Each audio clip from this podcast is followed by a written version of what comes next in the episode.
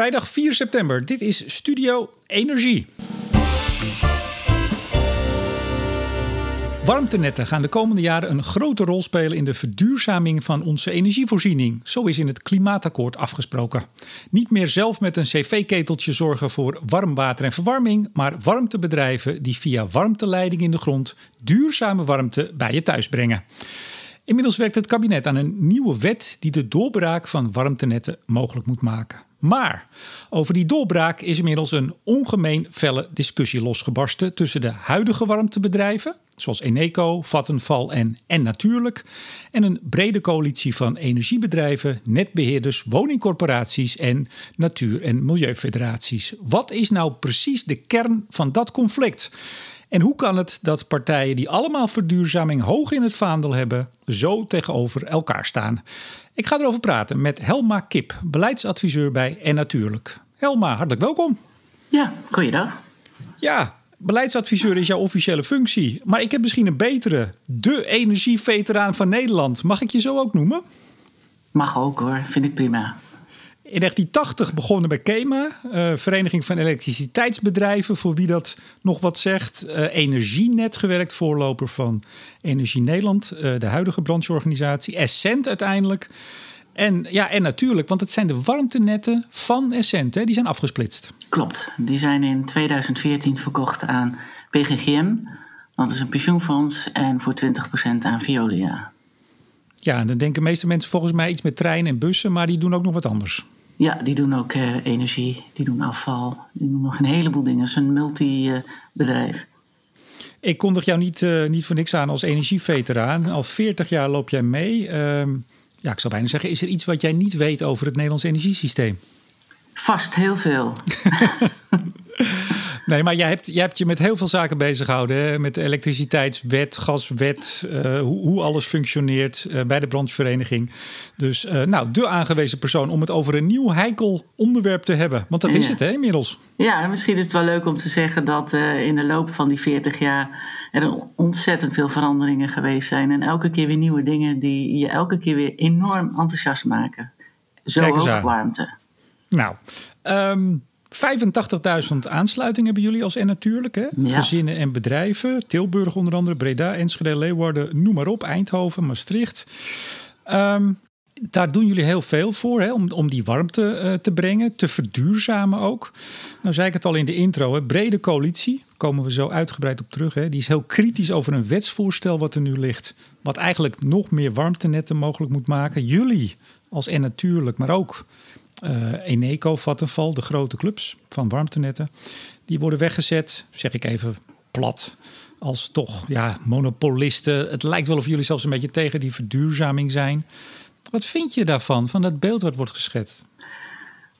Ja, wij worden weggezet als inderdaad uh, monopolisten. Maar het is natuurlijk ook zo dat uh, in alle energiesystemen waar je met dergelijke leidingen werkt, er altijd een monopolie is op het, op het netwerk. Dus daar moet je als uh, overheid goed naar kijken hoe je met die monopolies omgaat. Het is voor warmte dus niet nieuw. Je hebt het ook in uh, drinkwatervoorziening, elektriciteit en, uh, en gas. Ja, klopt het dat jullie wat weinig te horen zijn geweest de afgelopen periode? Het was een brede coalitie die zich op alle vlakken en, en, en momenten liet horen. Ik heb jullie wat weinig gehoord, klopt dat? Nou, we hebben ons wel laten horen, maar voor ons is het natuurlijk ook erg moeilijk om uh, dat heel erg uh, goed te doen. Wij hebben heel veel gesprekken gehad, ook met, uh, met woningcorporaties. Misschien is het ook goed om te noemen dat zeker de woningcorporaties na gesprekken met ons over de verdere verduurzaming en eventuele aansluiting op warmtenetten ook wel begrijpen in welke positie we zitten met z'n allen. En wat ook de voordelen zijn van het aansluiten op een warmtenetwerk. En hoe we kunnen bijdragen aan het verder transparant maken van het systeem. En ja, maar er zitten, we... zitten toch een aantal in die coalitie, hè? Die uh, zich toch min ja, of meer... Maar ja. niet, niet EDES, uh, die heeft daar niet aan meegedaan. Het is de brancheorganisatie. En, ja, en we hebben hele goede gesprekken lopen, de verschillende warmtebedrijven, met woningcorporaties hoe je dat vertrouwen bij hen ook uh, zou kunnen verhogen door ze gewoon beter inzicht te geven in uh, met welke kosten je geconfronteerd wordt en wat de voor- en nadelen zijn van, uh, van de aansluitingen. En dat helpt enorm. Dat, ik denk dat het een hele goede stap is voorwaarts om toch dat vertrouwen wat, wat te winnen. Henry Bontebal, bij de meeste luisteraars bekend van Bontebal en de Boer uiteraard. Die zei ja, die, die grote warmtebedrijven die hebben wel heel goed uh, gelobbyd. Daar heeft het ministerie wel erg de oren naar laten hangen, zei hij. Uh, klopt dat? Nou, ik weet niet of je dat zo moet zeggen. Maar als het gaat over de integrale ketenverantwoordelijkheid... waar we eigenlijk heel veel gesprekken over gevoerd hebben... ook met anderen en ook met corporaties en andere gebruikersgroepen. Dat bij warmte is dat uh, van groot belang. En ik denk dat uh, dat bij EZK in de loop van de tijd ook wel naar boven gekomen is. Dat op het moment dat je een systeem wil organiseren uh, via een wet en je wilt verplichtingen opleggen, dan moet je ook zekerheden creëren. En bij warmte is het van groot belang dat de keten als één geheel wordt gezien omdat het bij warmte heel erg moeilijk zou zijn en heel kostbaar om dat uit elkaar te gaan trekken, zoals bij gas en elektriciteit. Dus dat is wel een proces geweest wat heel lang geduurd heeft om daar met elkaar goed over te praten of het wel of niet zou kunnen. We komen daar verder uh, uitgebreid op terug. Want inderdaad, uh, je zegt het eigenlijk al nou, expliciet, impliciet, maar toch even voor de luisteraars die het misschien nog niet is opgevallen. Wat is nou essentieel het verschil tussen het, een warmtenet en het gasnet en stroomnet? Nou, er zijn verschillende essentiële verschillen, maar het belangrijkste is misschien wel dat uh, bij gas en elektriciteit heb je een heel groot verbonden systeem. Dus dat gaat zelfs over de grenzen heen met uh, andere landen in Europa. En daar gaat een product overheen dat uitwisselbaar is. Dus het maakt eigenlijk niet zoveel uit waar je wat instopt en uithaalt. Uh, waardoor je dat systeem ook makkelijker kunt gaan splitsen en administratief kunt organiseren. Bij warmte is dat veel fysieker. Dat is eigenlijk een grote installatie. Uh, waar helemaal niet zo heel veel klanten op zitten als bij gas en elektriciteit. En waarbij de warmte stroomt en van verschillende temperaturen is. Het langs huizen gaat en dan afgekoeld wordt en weer doorstroomt. Het is een heen en weer. En dat is het grote verschil met uh, gas en elektriciteit. Ja, het is, het is dus niet landelijk en zeker niet over grenzen heen. Het is eigenlijk heel lokaal, wat kleinschaliger. En, heel belangrijk, uh, geen concurrentie. Hè? Als je eenmaal uh, bijvoorbeeld bij jullie warmte afneemt, dan kan je niet zeggen... nou, ik stap eens over naar een concurrent. Nee, dat klopt. Dus beheer van het systeem zit, uh, zit in één hand. En dat betekent dat, dat er contracten over en weer zijn... die je niet even uit elkaar kunt trekken en zeggen... nu komt er iemand anders en een contract vervalt het is natuurlijk ook zo dat de opening van de gas- en elektriciteitsmarkten is voortgekomen uit de wens om concurrentie tussen bronnen te krijgen, dus tussen centrales. En het mogelijk dus te maken dat je vanuit een centrale uit het buitenland, bij wijze van spreken, stroom kunt kopen. Waardoor de concurrentie tussen de verschillende producenten uh, gebruikt kan worden. En dat is bij warmte veel minder aan de orde, eigenlijk vrijwel nergens. Ja, nou, nou heb jij vast heel veel gesprekken, bijvoorbeeld met die woningcorporaties, over uh, warmtenetten. Um, heeft iedereen altijd door wat die verschillen zijn met gas en stroom en, en hoe bepalend dat is? Nou, de mensen die zich er uh, echt in verdiepen, die hebben dat wel door.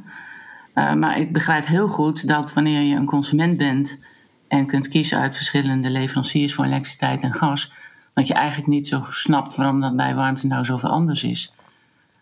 Uh, het is overigens nog maar 15 jaar, geloof ik, dat we kunnen kiezen. Maar dat is al best lang en mensen zijn eraan gewend dat een leverancier uh, vervangen kan worden door een andere. Maar men is er natuurlijk ook aan gewend dat de leveranciers uh, failliet gaan. Maar dat dan het systeem het wel oplost en dat er dan wel weer een nieuwe leverancier komt. Ja, simpel gezegd, als jij nu op een, op een warmtenet zit en uh, dat gaat failliet, dan is het gewoon klaar, dan heb je geen warmte meer. Ja, dan heb je dus een heel groot probleem. En dat is ook wat uh, uh, de insteek een beetje bij EZ is geweest natuurlijk. Dat zij niet willen dat partijen die daar op acteren en die dat moeten doen, dat die niet zomaar kunnen omvallen. En dat het dus goed geregeld is, inclusief de bescherming van de consument, die dan dus ook niet te veel mag betalen voor het product. Ja, de ACM die beschermt de consument. Ik zeg het trouwens heel even bij. Uh, af en toe vervormt jouw stem een beetje. Ik denk dat we een klein beetje probleem hebben met, uh, met de verbindingen. Uh, mochten luisteraars dat ook hebben, dan weten ze dat het niet aan hun oren ligt, maar dat het bij ons zit. Dus je bent goed te volgen, maar af en toe vervorm je een beetje. Okay. Dat gezegd. Gaat het nu kan, beter? waarschijnlijk. Kan jij niks aan doen. Praat lekker door. Okay. Hey, de, A de ACM beschermt de consument. Hè? Dat, dat is eigenlijk ook. Um, de huidige wet, de warmtewet, waar dus nu een, ja, een nieuwe voor komt, dus de warmtewet 2.0. Eigenlijk is de huidige warmtewet vooral daarop gericht hè, dat de consument, die dus geen keuze heeft, goed beschermd wordt en dus niet te veel betaalt. Ja, dat is het uitgangspunt van uh, de huidige warmtewet. Omdat het monopolie is en klanten niet kunnen kiezen, worden de tarieven eigenlijk uh, volledig gereguleerd. Dat is bij elektriciteit en gas dus niet. Daar zijn de tarieven vrij. Maar dat betekent ook dat als jouw uh, leverancier niet bevalt, je naar een goedkopere zou kunnen. Ja, en waarom is er dan toch zoveel vaak gemor, uh, en ook wel in de lokale en soms wel na nationale kranten, over warmtenetten en, en bewoners, burgers die daartegen te hoop lopen? Wat is hun fundamentele kritiek? Ja, het is een perceptie dat de prijs die je betaalt voor warmte, dat die te hoog zou zijn. Dat die dus niet redelijk zou zijn en dat hij de kosten niet zou uh, reflecteren. Dat is eigenlijk het uh, grootste punt van kritiek. En uh, dat is wel uit te leggen. En dat uh, doet ACM ook. Maar dat, ik kan ook begrijpen dat het voor consumenten moeilijk te volgen is, omdat het een op gas gebaseerde tarief is. Dus dat betekent dat het systeem zo in elkaar zit dat een klant van warmte niet meer betaalt dan een klant uh, die uh, met gas zijn uh, verwarming voorziet. Ja, en ook niet minder dus, of wel? Dat kan. Nou, op dit moment betalen ze iets minder, althans gemiddeld. Want het is natuurlijk altijd een gemiddeld tarief wat ACM als maximum stelt. En daar zitten bijna alle bedrijven wel ietsje onder. Maar het zit natuurlijk wel in de buurt van dat gemiddelde gassysteem.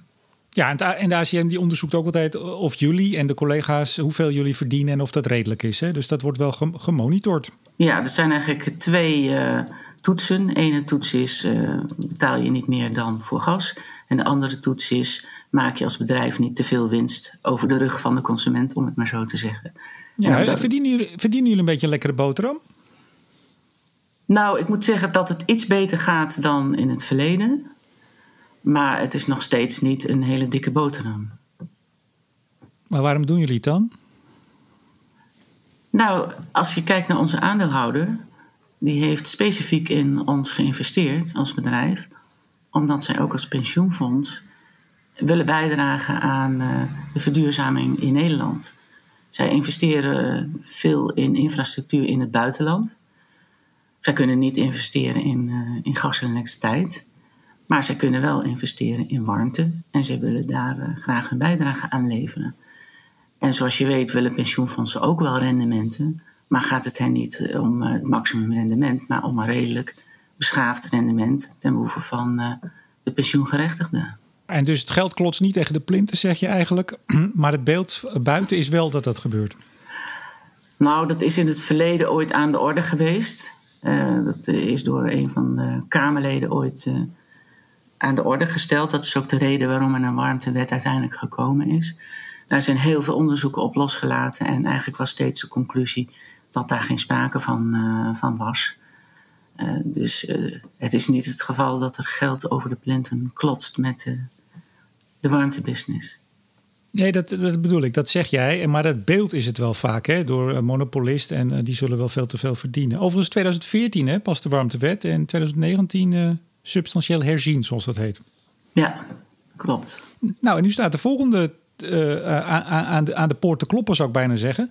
Um, de wet, hoe heet die ook weer? Collectieve warmtevoorziening. Ja. Uh, die is ter, uh, ter consultatie gelegd in juni. Vorige maand is die consultatie gesloten. Er komt dus een warmtewet 2.0. Is die, is die nodig wat jou betreft? Ja, de reden waarom die wet nu gemaakt wordt, was eigenlijk uh, vanwege de tarieven. Er is uh, vaak gezegd van ja, gas wordt uitgefaseerd. Dus op enig moment hebben we geen gas meer als een goed vergelijkingspunt. Want daar waren de tarieven op gebaseerd die we nu hebben. En we zullen dus naar de toekomst moeten kijken als gas uitgefaseerd eh, is. Wat is dan eigenlijk een redelijk tarief? Daar is, dat is een van de redenen waarom er een nieuwe wet komt. Een andere reden is dat er een vrees is dat de uitrol van netten niet snel genoeg gaat. En dat gemeenten daar onvoldoende grip op kunnen hebben. Dat dat inderdaad gebeurt. En dat er daarom een systeem zou moeten komen dat de gemeente de mogelijkheid biedt om uh, warmtenetten te laten aanleggen. Dus het is eigenlijk een tweeledig verhaal. De, als derde reden is ook aangegeven dat ook het duurzaamheidsaspect apart zou moeten worden meegenomen in de, in de wet staat nu, uh, even kort samenvattend, inderdaad, er moet een groei komen van die warmtesystemen. Zoals eigenlijk in het klimaatakkoord afgesproken. Hè. Nu zit zo'n 5% van Nederland ongeveer op een collectieve warmtevoorziening. Maar dat zou wel naar de 20, 25% moeten in 2050. Ja, daar lopen de verwachtingen erg uiteen. nou ja, in ieder geval, het moet, het moet substantieel toenemen. Uh, daarvoor zijn nieuwe spelregels nodig. Marktordening, zegt, uh, zegt de minister, of zegt het ministerie. Transparantie tariefstelling, je zei het. Aanscherpen van vooral ook de vereiste leveringszekerheid en voor verduurzaming. En de minister zegt in zijn begeleidende brief. Het draagvlak uh, moet toenemen voor het product warmte. Het vertrouwen ook in de markt en de bereidheid om te erin te investeren. Ja. En, en nog even mijn vraag dus. Is daar een nieuwe wet voor nodig? Of zou dit allemaal, al deze doelstellingen, zouden die met de huidige wet gehaald kunnen worden? Dat zou best met de huidige wet gehaald kunnen worden. Ja, misschien de duurzaamheid als extra verplichting in de wet dan niet. Dat is niet uh, wat er in de huidige wet staat. Um, maar het zou best op basis van de huidige wet ook kunnen.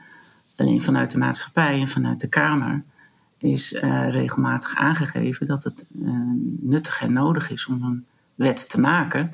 Ten behoeve van dus het wijzigen van de tarieven en de bevoegdheden voor de gemeente. Ja, dus waar ben je het nou eens of niet? Want je, nogmaals, jij loopt 40 jaar mee. Je hebt al heel veel wetten zien komen en gaan. Jij zegt, nou oké, okay, uh, ik snap het wel. Of zeg je, nou het is eigenlijk niet nodig. Want dan kunnen we gewoon dit gesprek kort houden. Dan sturen we een briefje naar, naar de minister en zeggen... joh, stop met die wet, niet nodig. Nou, je zult wel iets moeten bedenken voor de tarieven. Ik denk dat dat wel nodig is. De vraag is of dat uh, vandaag moet of dat dat ook over tien jaar kan. Want we hebben natuurlijk nog wel een hele tijd uh, gas.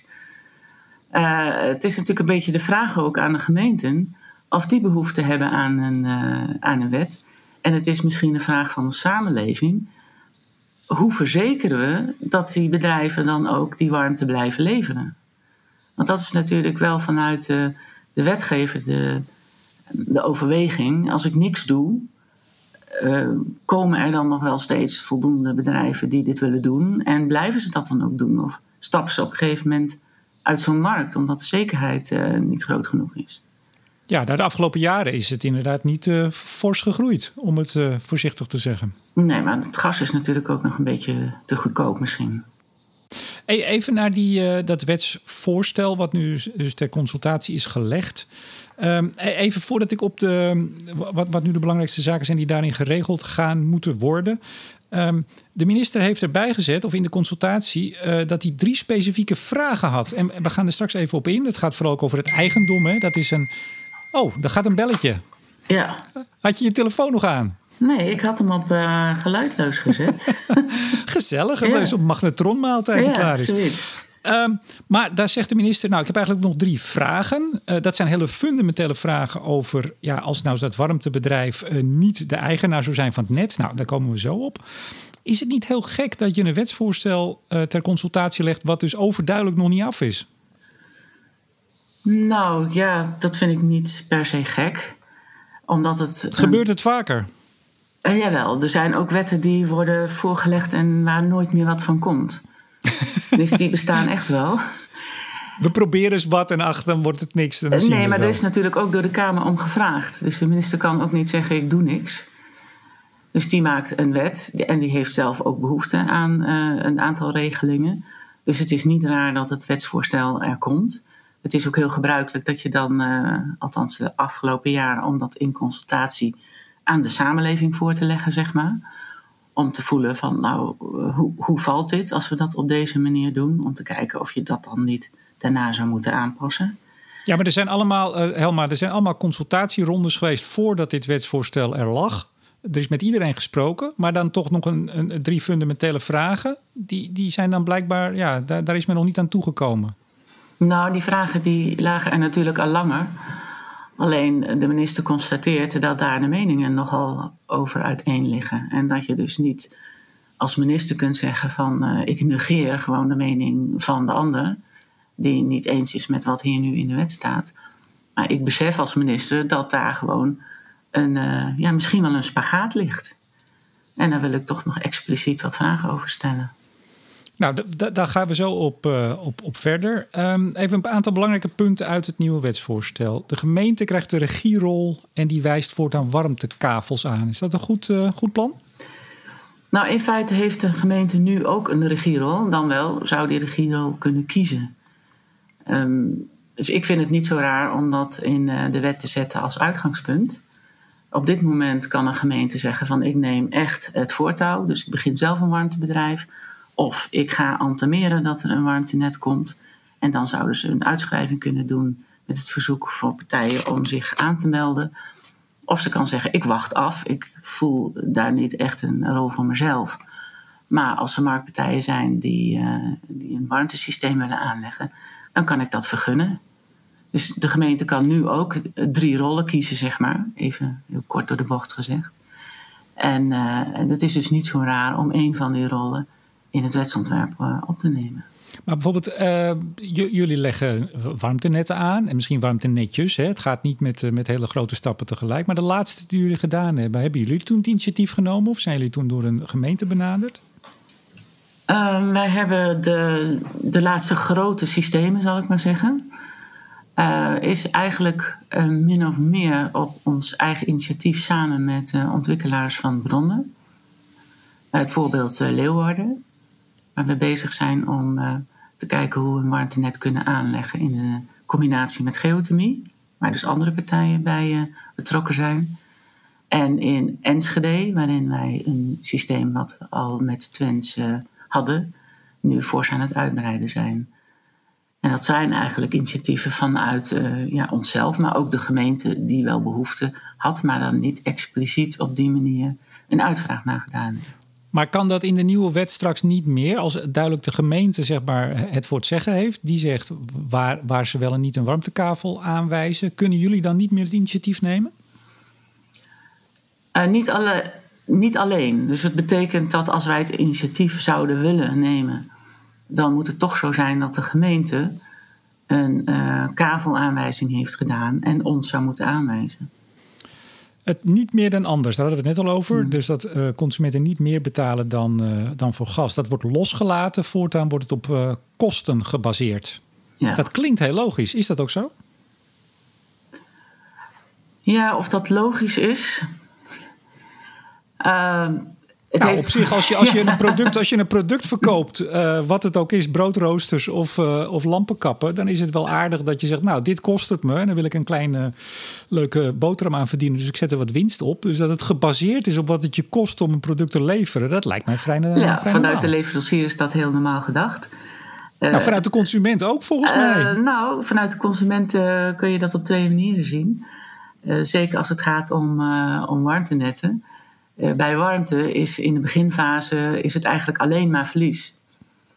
En op het moment dat je verder in de tijd gaat, dan ga je langzaam verdienen aan, uh, aan het systeem.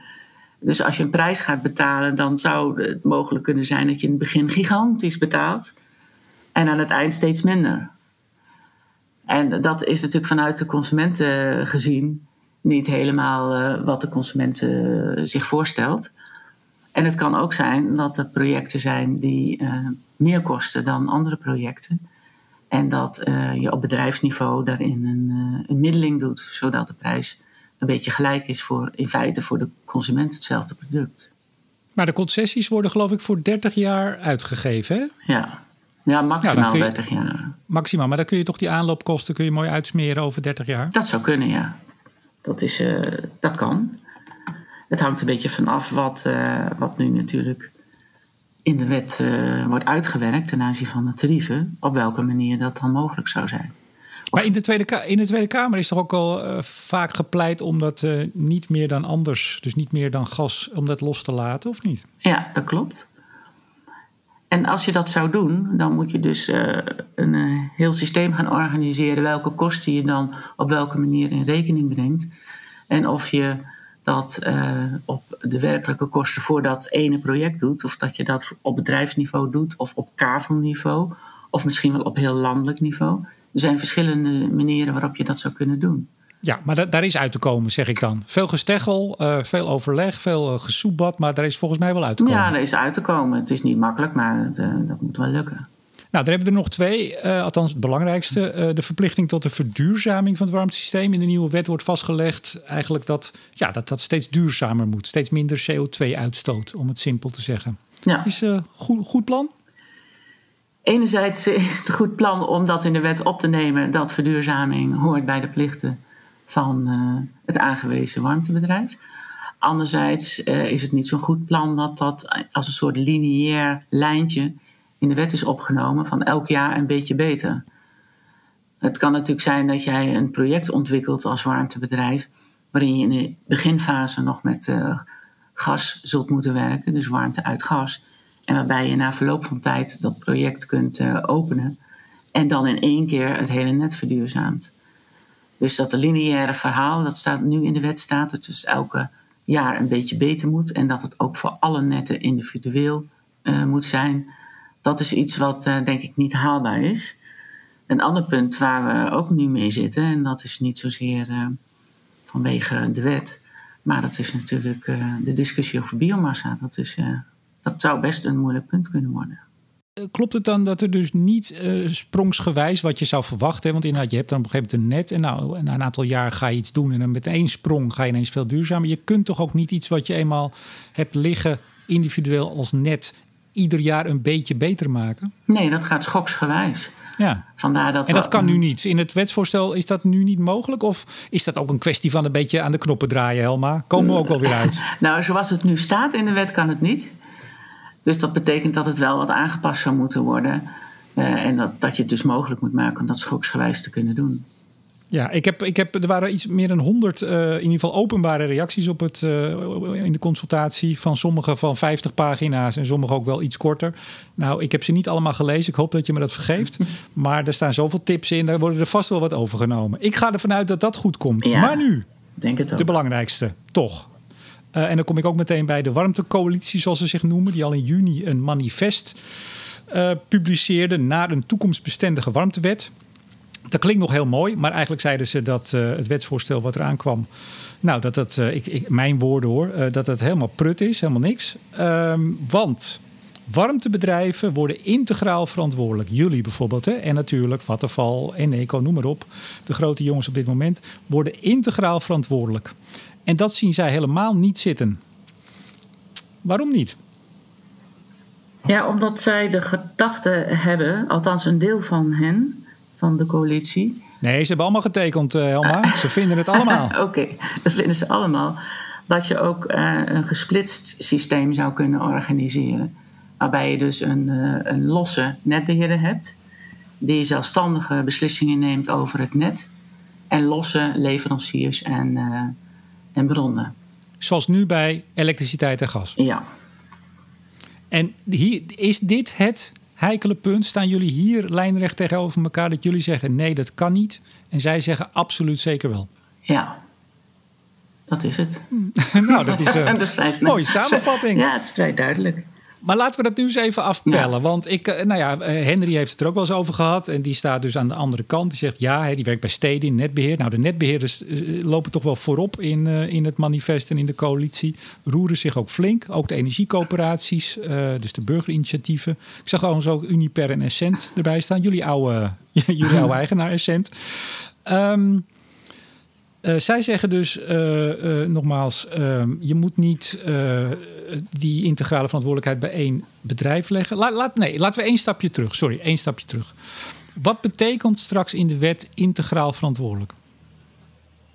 Dat betekent dat ehm, degene die warmtebedrijf is, of die als zodanig wordt aangewezen, dat hij systeemverantwoordelijk is. Dus die moet ervoor instaan dat het systeem werkt en dat de klant dus op elk moment warmte krijgt. Dat lijkt mij een, gezond uh, uitgangspunt, want anders gaat er iemand failliet of er gaat ergens een pomp stuk en één zegt ja, Piet heeft het gedaan, als en Kees is verantwoordelijk en dan heb ik geen warmte. Dus op zich lijkt me dat logisch. Ja. Maar je hoeft dan als dat bedrijf wat dus uh, verantwoordelijk is, integraal verantwoordelijk, systeemverantwoordelijk, hoef je niet alles zelf te doen, ook niet alles in eigendom te hebben, of wel? Niet per se. Dus dat betekent dat je dat ook uh, op een andere manier kan doen. Je kunt ook zeggen van uh, ik laat uh, activiteiten door anderen uitvoeren. Dat kan ook heel goed. Maar het cruciale punt is dat de zeggenschap over het warmtenet, dat dat wel bij degene moet zitten die verantwoordelijk is voor het systeem.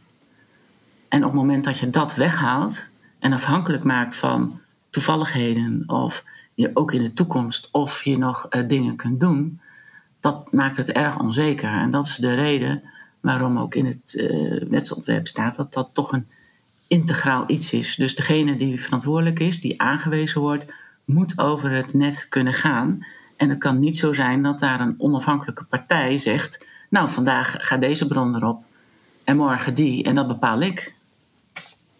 Ja, want het heeft bijvoorbeeld ook te maken met de dimensionering van gewoon letterlijk van de, de pijperij, noem ik het maar even. Uh, je kan niet alles zomaar doen zoals met gas en, en stroom.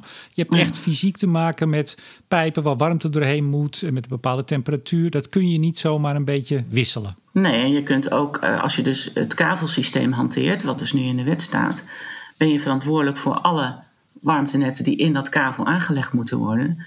En dat als iemand één stuk gaat aanleggen en zegt: Dit is mijn open net en het moet uitgebreid worden, ja, dan zal dus degene die verantwoordelijk uh, is daarvoor, zal dat moeten kunnen. Dus die zal dan er toch over dat net moeten gaan wat uitgebreid moet worden.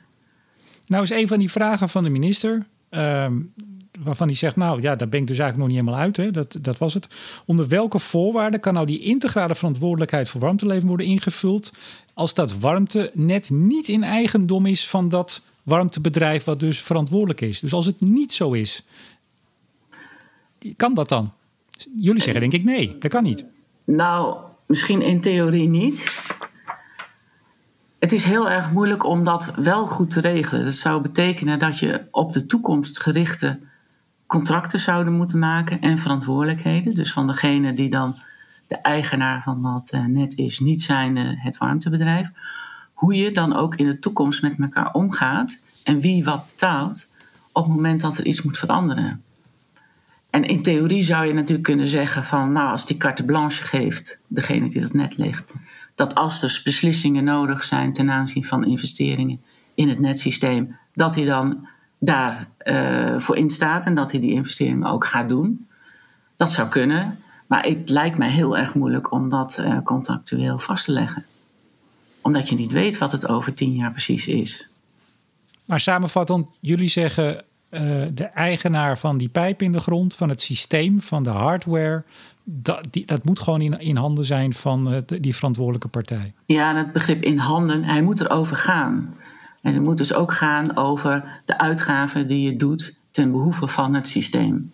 Ja, dus je hebt, je hebt eigendom, economisch eigendom, daar kun je nog een beetje in variëren. Maar precies wat jij zegt, hij ja. moet erover gaan. Ja. Nou, dat vinden dus eh, de netbeheerders niet. Nee, die vinden dat zij dat onafhankelijk en zelfstandig kunnen doen. Maar hoe kunnen jullie hier nou, want jullie zijn allemaal slimme mensen uh, in, in, in dit wereldje. Want ook al bij de netbeheerders zitten slimme mensen. Ik begrijp letterlijk niet uh, hoe jullie zo fundamenteel uh, kunnen verschillen over iets waar aan de ene kant de, de netbeheerders met stroom en gas uh, heel veel ervaring hebben. Jullie hebben dat met, met warmte. Nogmaals, mensen die ook bij elkaar in de keuken kijken, echt niet van gisteren zijn. Hoe kan het jullie zo fundamenteel verschillen hierover? Ja, dat, dat vraag ik me eigenlijk ook af. Van bij, je, hebt vast, je hebt vast een idee. nou, bij gas en elektriciteit is namelijk ook zo dat de degene die verantwoordelijk is voor het net, dat hij daar het economisch eigendom van heeft. Dus eigenlijk zou je denken, dat moet voor uh, netbeheerders gesneden koek zijn. Nou, niet dus. Nee, dus misschien is het wel een ander belang of zo dat erachter zit, zou kunnen. Oh, als iemand dat zegt, dan, oh. dan zeg ik meteen wat dan? Want je, je, je insinueert iets, dus wat, ja, wat ja. is dat voor belang? Nou, ik begrijp ook best dat, ehm, dat de netbeheerders na zitten te denken over de toekomst. En uh, hoe zij ook een rol zouden kunnen spelen in, uh, in het warmtesysteem. En ik begrijp ook dat zij graag uh, investeringen zouden willen doen in warmtenetten. Om dat ook op hun balans te zetten. Net als dat onze aandeelhouders dat willen.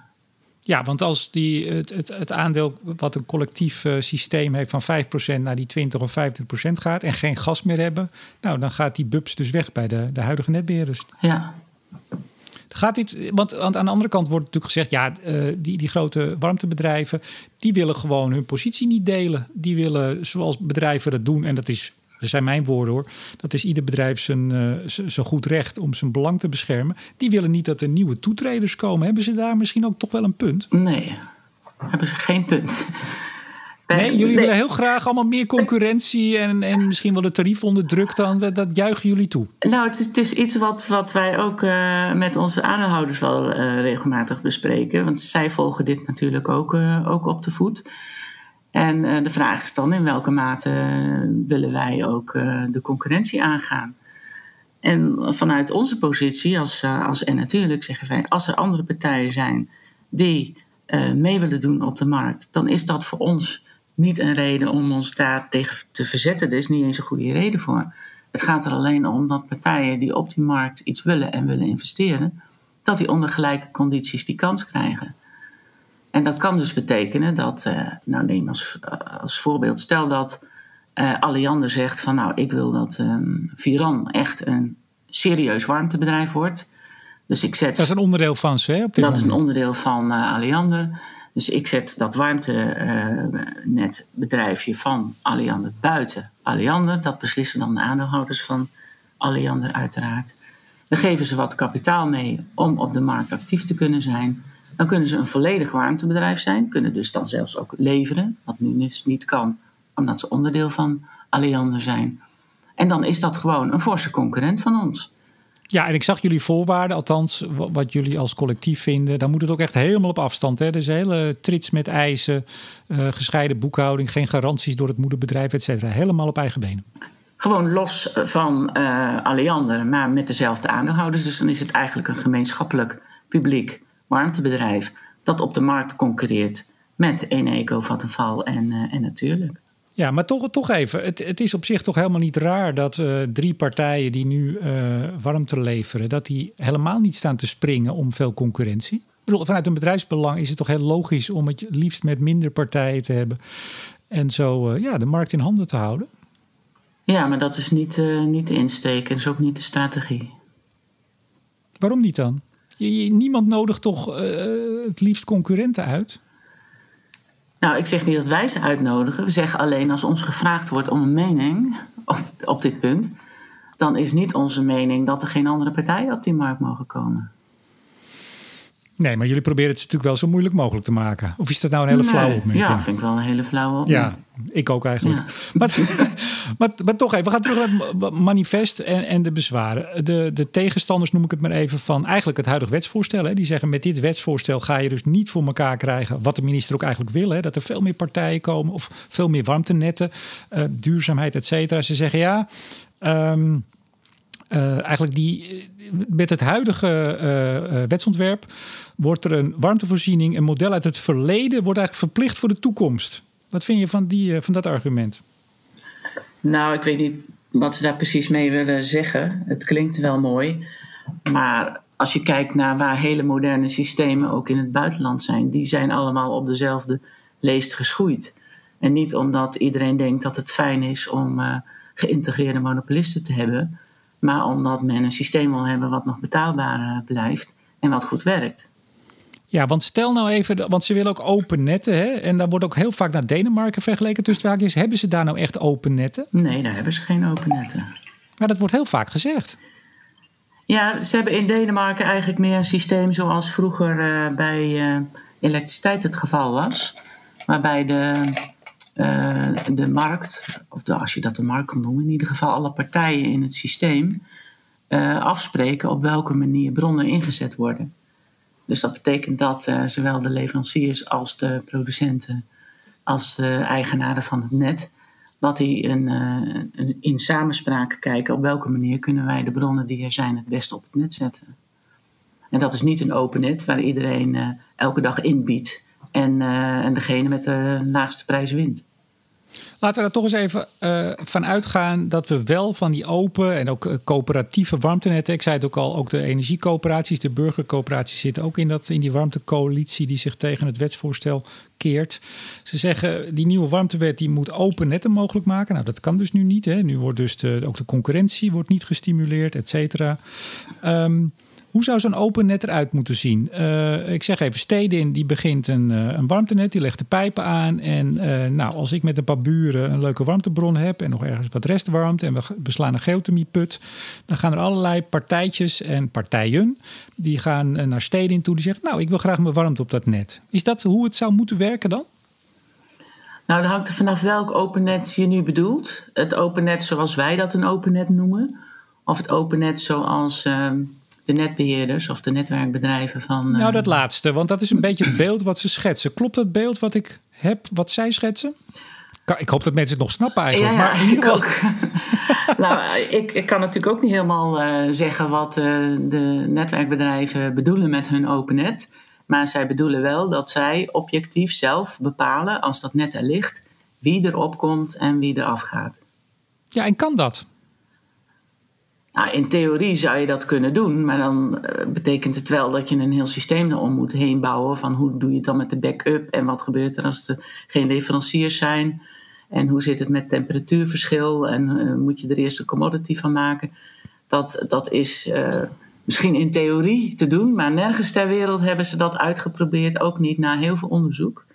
En altijd tot de conclusie gekomen dat als je dat zou willen dat dat zo enorm kostbaar is en dat eigenlijk niemand ermee opschiet, omdat er geen concurrentie tussen bronnen bestaat.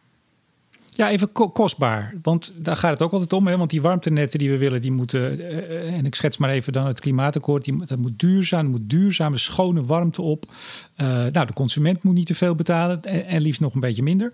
Uh, jij zegt nu dat wordt heel erg kostbaar. Zo'n heel mooi open coöperatief idee. Waarom wordt dat kostbaar? Waar gaan dan letterlijk die kosten in zitten? De kosten gaan zitten in dat je aparte bedrijven maakt, ten eerste. Dus Sorry, bedrijf, wat zei Aparte bedrijven hebt. Dus een bedrijf voor uh, het uh, net en een bedrijf voor de levering. Want dan heb je dus twee verschillende ondernemingen. Uh, die niets met elkaar te maken zouden mogen hebben in de visie van de netwerkbedrijven, omdat ze onafhankelijk zijn en zelfstandig, dus niet een onderdeel vormen van een leverancier. Dus daar moet je aparte bedrijven voor maken. Plus dat je de regels moet gaan uh, opstellen en uitvoeren. Uh, wanneer wie precies op het net moet en mag. En tegen welke temperatuur. En uh, hoe precies het systeem dan zal werken in het geval er bijvoorbeeld één bron niet precies levert wat hij had bedoeld te leveren, maar wat minder. En een andere bron misschien wat over heeft allemaal verrekeningssystemen die je dan moet maken. Zoals nu eigenlijk bij elektriciteit ook gebeurt. En dat is allemaal uh, logisch in een uh, echt open systeem. Alleen dat kost wel miljoenen. Bij, ook voor elektriciteit kost dat hele vele miljoenen. Alleen die kosten verdeel je over 8 miljoen Nederlanders. En dan valt het misschien een beetje mee. Maar bij warmte zou je dat dus voor elk net moeten organiseren. En dat maakt het heel kostbaar. Ja, en zitten ook zitten er ook kosten in, in hardware? In de zin dat je misschien extra pompen of extra backup en ketels moet neerzetten? Nou, je moet dus regelen wie de backup gaat doen. Of iedereen, in beginsel doet dan iedereen zijn eigen backup. Terwijl je nu natuurlijk één backup hebt voor het hele systeem. Maar als ik jou zo hoor, dan zeg je volgens mij, het, het, het kan wel. In theorie kan het. Alles, uh, alles kan, ja, in theorie. Alles, alles kan, maar het wordt duurder. Het wordt heel stuk duurder, ja. Maar goed, dan gaat dus dat hele idee van we gaan uh, hè, alles openstellen en een soort vrijheid, blijheid en, en, en, schone warmte en wie maar wil. En ook nog eens goed betaalbaar. Dat, dat laatste gaat dus op de helling. Ja, maar je moet je ook steeds afvragen als je zoiets doet. Dus bij wet een, een, een splitsing organiseren en regelen. Uh, waarom je dat dan doet. En als je kijkt naar de redenen waarom dat bij elektriciteit en gas het geval was is dat omdat er een concurrentie is in uh, bronnen. Er is voor elektriciteit een behoorlijke concurrentie. En dat was de reden om dat open systeem te maken. En dat is bij warmte natuurlijk uh, iets anders. Want we mogen al blij zijn als we een aantal bronnetjes kunnen vinden. Precies. Je dat, we mogen al blij zijn dat we een aantal bronnetjes kunnen vinden. En uh, je moet je ook uh, bedenken wat er in de toekomst zou gebeuren. Stel je hebt een geothermiebron ontwikkeld. En je krijgt concurrentie over restwarmte. Wat ga je dan doen? Ja, maar ik, ik denk dat het idee van de warmtecoalitie is, maar nu denk ik een beetje voor ze, dat juist door het om te draaien, het soort kip-ei, kip ja, mhm. nu, zijn er heel weinig bronnetjes, omdat je, je kan het ook niet kwijt. Dat als, er, als je je warmte kwijt kan, dat er meer, nou, misschien wel burgerinitiatieven, meer bedrijfjes, meer bedrijven die restwarmte hebben, denken: wacht even, ik kan het nu kwijt, het is geld waard. En dat dus daardoor die concurrentie op gang komt. Zie jij dat gebeuren? Nou, ik zie dat niet heel erg snel gebeuren. Ik zie dat uh, eventueel gebeuren op, uh, op een heel groot net, zoals misschien in Zuid-Holland. Waarin je zegt van nou, daar, dat is zo'n groot systeem waar zoveel klanten aan hangen. En uh, eventueel vrij veel bronnen die ook met elkaar zouden kunnen concurreren. Dat je zegt dat maakt het de moeite waard om een ingewikkeld systeem te gaan organiseren met vrije toegang voor iedereen op dat net. Als het gaat om hele kleine systemen, ja, dan moet je je steeds afvragen of, of de hoeveelheid waar je het dan over hebt, of dat in verhouding staat tot de kosten die je moet maken om een systeem op die manier in te richten. Nou, nou is een van de verwijten, en die kom ik in veel van de reacties tegen. En volgens mij is het ook een soort uh, copy-paste van elkaar. Uh, er is bezwaar tegen wat nu een one-size-fits-all aanpak lijkt te zijn. De, de warmtecoalitiepartijen zeggen er moeten juist verschillende marktmodellen uh, mogelijk zijn. Per lokale situatie zou het gewoon helemaal anders kunnen en moeten kunnen. Wat vind je daarvan? Nou, volgens mij kunnen ook in dit systeem een heleboel modellen. Het enige model wat niet kan, is dat je een losse netbeheerder hebt die zelf als enige gaat over het net. En uh, de overige delen van het systeem daar niet bij hoeft te betrekken. Dus in feite zijn er ontzettend veel systemen mogelijk. Dus het is niet one size fits all. Maar snappen ze het dan niet? Of, of snap jij het niet of snap ik het niet? Iemand snapt het niet volgens mij. Nou, iemand wil het niet snappen, kan natuurlijk ook. Ja, zou, het zo, zou dat zijn? Ja, dat durf ik niet zo te zeggen. Dat zou je eigenlijk aan uh, Harry moeten vragen of hij het nou niet wil snappen. Maar Harry is ook best slim volgens mij, of niet? Ja, die is heel, die is heel slim. Ja. dus, dat, is, dat is echt de allerslimste. En dan moet je nou, ga... je bij Harry eens een keer zo doorvragen hoe dit dan precies allemaal moet. Ja, dat ga ik doen. Nou, we hebben volgende week weer uitzending. Dus dat, uh, dat komt goed. Maar even uh, samenvattend. Nee, nog één ding. Jij zei net van ja, zoals zij het willen, die, die open netten niet. Maar hoe, hoe zien jullie dan dat het wel kan? En jullie dan toch weer even de grote partij. Wat noemen jullie dan een open net? Ja, wat wij een open net noemen is dat uh, als er een, een bron zich ontwikkelt en die zou graag op het net willen. neem bijvoorbeeld ons Amenet. Dat is een best een groot net. Daar hebben wij ook een soort uh, rulebook voor geschreven. Uh, dat houdt in dat als iemand warmte beschikbaar heeft en die kan voldoen aan de technische eisen die daarvoor uh, voor zijn, dan kan die warmte ingevoerd worden op het net en dan wordt daarvoor betaald. Dus het kan wel, maar dat is een open net aan één kant, zeg maar, dus de, de bronnenkant. Dat, dat beeld tot slot, wat dit betreft, en dan gaan we zo naar een afronding. het beeld van. Ja, het, het, heel liefelijk. Hè? Dus, dus burgerinitiatieven, de, de plaatselijke kaasfabriek die nog wat warmte over heeft, een, een geothermiebron een paar kilometer verderop. gaan we dat ooit zien, denk jij, in Nederland? Ik denk wel dat er een uh, fors aantal coöperaties zullen ontstaan. Alleen dat zal steeds over toch een relatief klein volume gaan. En ik denk ook dat we uh, dat soort initiatieven gewoon moeten steunen. Dus ik zie geen enkele reden om te zeggen dat, uh, dat dat niet zou moeten of niet zou kunnen. Dus dat is ook iets wat in die wet ook volgens mij opgelost kan worden. Dat daar waar je in, uh, bij de aanwijzing van kavels ziet dat daar ontwikkelingen zijn vanuit uh, coöperaties, dat daar gewoon voldoende ruimte voor is om dat te laten ontwikkelen. Het gaat de, de grote investeerders erom dat ze weten waar ze aan toe zijn. en dat betekent dat als initiatieven zijn die gewenst worden door gemeenten en door burgers, dat die moeten kunnen zich ontwikkelen. Ik zie daar niet een, een belemmering per se in. Jullie aandeelhouder is een heel groot pensioenfonds, PGGM. Stel nou dat de warmtecoalitie, zoals ik het maar even blijf noemen, hun zin krijgt. En het wetsvoorstel gaat helemaal op de schop. En er wordt een knip gemaakt tussen het, uh, het eigendom, of het, uh, hoe dat dan ook maar heten mag, het economisch eigendom, whatever, of de zeggenschap over het net en uh, de bronnen die erop gaan. Wat zal een PGGM doen?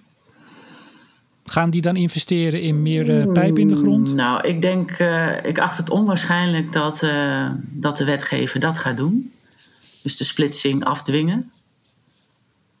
Um, de discussie zal zich denk ik meer toespitsen op moet het publiek zijn of moet het privaat zijn.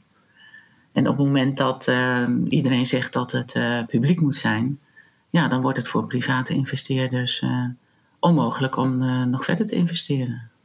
En kunnen de publieke, kan de overheid dan die rol overnemen en ook het geld neerleggen om al die warmtenetten, want we praten over een substantiële groei die voorzien is en gewild is de komende jaren.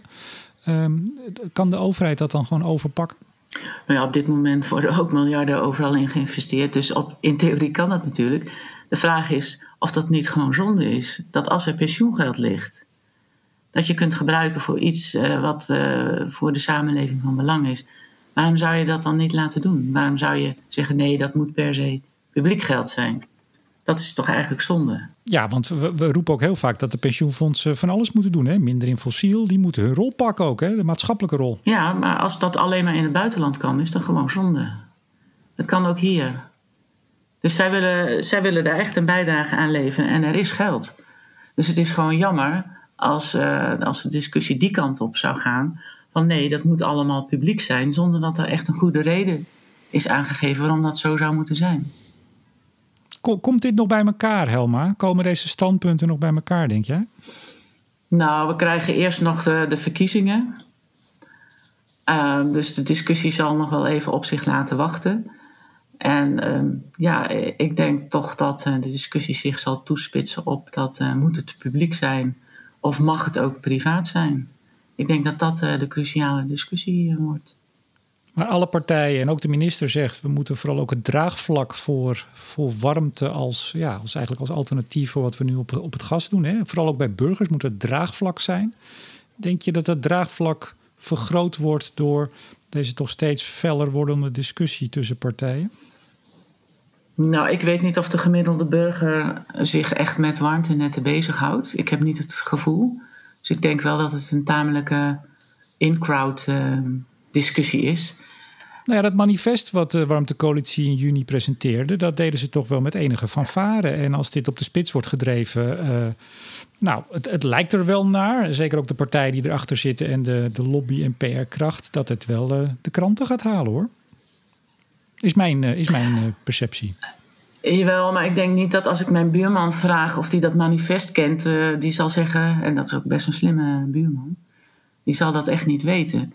Ik denk dat de discussie pas echt goed loskomt bij burgers op het moment dat, dat het gaat over het gas gaat er echt uit en wat ga ik dan kiezen? En wat wordt mij dan geboden? Wat zijn dan de mogelijkheden voor mij als burger om te doen met mijn woning en met mijn energievoorziening? En zolang we nog allemaal gas blijven gebruiken, zal dat denk ik niet echt iedereen bezighouden. 1 januari 2022 zou de wet uh, in werking moeten treden. Gaat dat lukken? Nee. nou, helder. Weet Wiebes dat ook al? Ja. Oké, okay, wanneer gaat die... Ja, nou, nou, ben ik toch wel benieuwd. Hier, hier heb ik iemand aan de lijn die precies weet hoe het zit. Hoezo, hoezo ben je zo resoluut van nee? Nou, dat is niet te doen. Als je nagaat dat het over de verkiezingen sowieso getild zou worden... dan wordt het controversieel verklaard... Dan, uh, dan moet een kabinet gevormd worden. Nou, dan zit je al eind uh, 2021 uh, ergens. Dus 1 januari 2022 zie ik dan niet meer zitten. Helma Kip, energieveteraan en beleidsadviseur bij En Natuurlijk. Hartelijk dank voor het gesprek. Oké, okay. Graag gedaan. Mijn naam is Remco de Boer. Graag tot de volgende keer bij Studio Energie.